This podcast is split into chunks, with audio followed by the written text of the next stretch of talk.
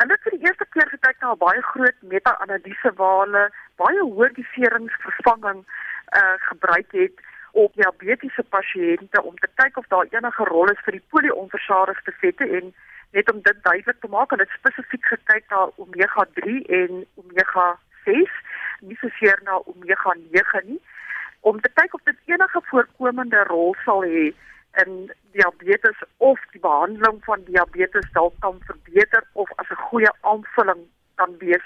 Hulle het gekyk om by 171 000 en hulle het net studies gekies wat 'n baie hoë deurgewende faktor gehad het waar daar ten minste vir 24 weke volgehou was met vervanging. Sou jy sê die navorsing is gefundeer? Die navorsing is baie gefundeer.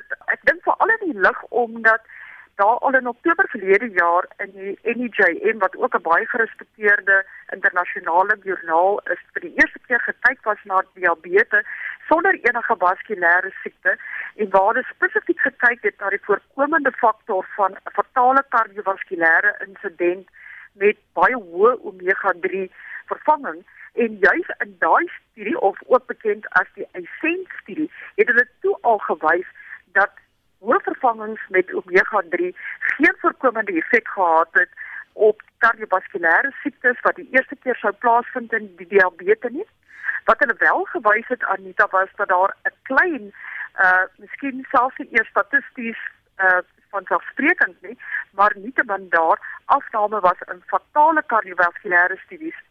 So ek dink daar is nog baie onsekerheid wat nou in 'n rigting begin beweeg.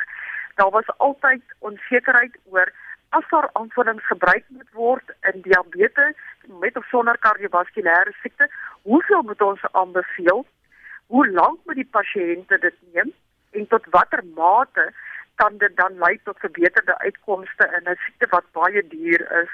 Wat is jou raad dan aan suikersiekte leiers met hulle wegbly van omega 3? Nee, geen sins nie. Ons aanbevelings soos wat dit voorheen was of dit nou die wêreldgesondheidsaanbeveling was of die Amerikaanse of Australiese riglyne, bly ons aanbeveling op hierdie stadium presies dieselfde om om by 1.2 tot 1.6 gram van jou omega 3 wat jy kan inkry of deur elke dag 'n klein bietjie van jou omega 3 olies in te kry of alternatiefelik deur twee visporsies per week te eet. Maar wat ons wel sê is wees baie versigtig vir enige aanbeveling van verskriklike hoë doserings van omega 3 van meer as 4.4 gram want dit wil voorkom asof op daai vlakke daar 'n verhoging is in jou insulienafskeiding eerder as 'n verbetering.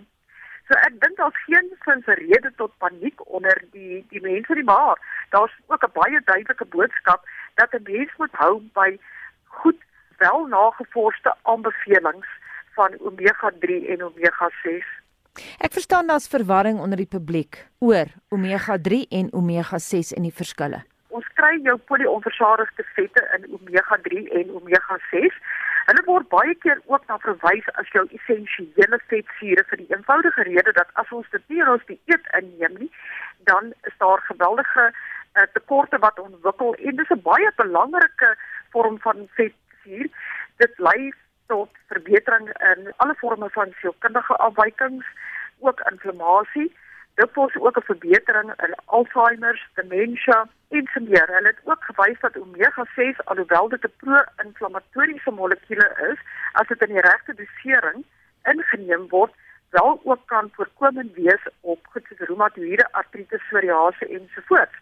En ek dink party van die verwarring kom van die feit af dat mense nie verstaan dat omega 3 en 6 wat ons noem essensiële vetsure. Met ander woorde, ons moet hulle in die dieet inneem. Maar wat gebeur in die verwesterse dieet is dat ons heeltemal te veel omega 6 in verhouding tot omega 3 inneem. Die perfekte aanbevole verhouding is enige iets van 4 tot 1 tot 3 tot 1.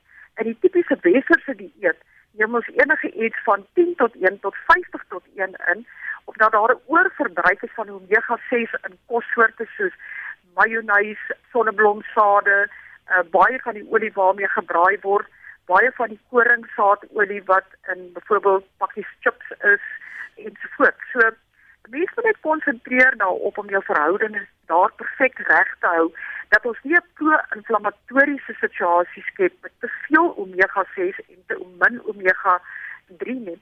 En ek dink waar party van die verwarring vandaan kom, is hulle skei altyd 'n vetsuur af of produseer vetsuur wat baie na mekaar klink.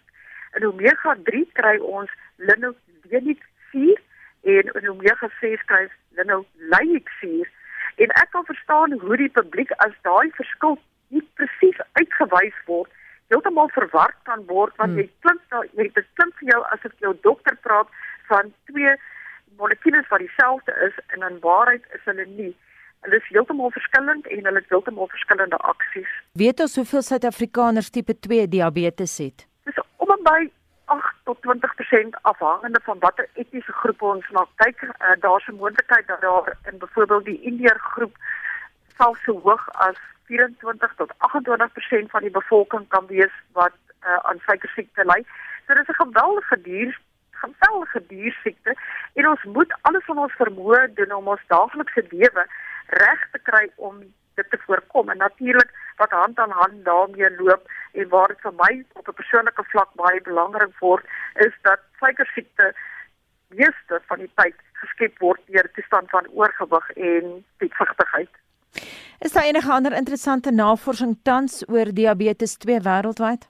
Ja, ek dink die grootste navorsing op die oomblik wêreldwyd is op hempsaadolie wat nou die nommer 1 vervanging geword het in Amerika.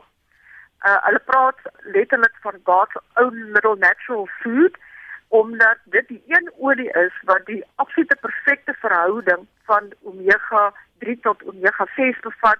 Dit is 4 tot 1, omega 6 tot 3 en natuurlik ons aanbeveling is 4 tot 1.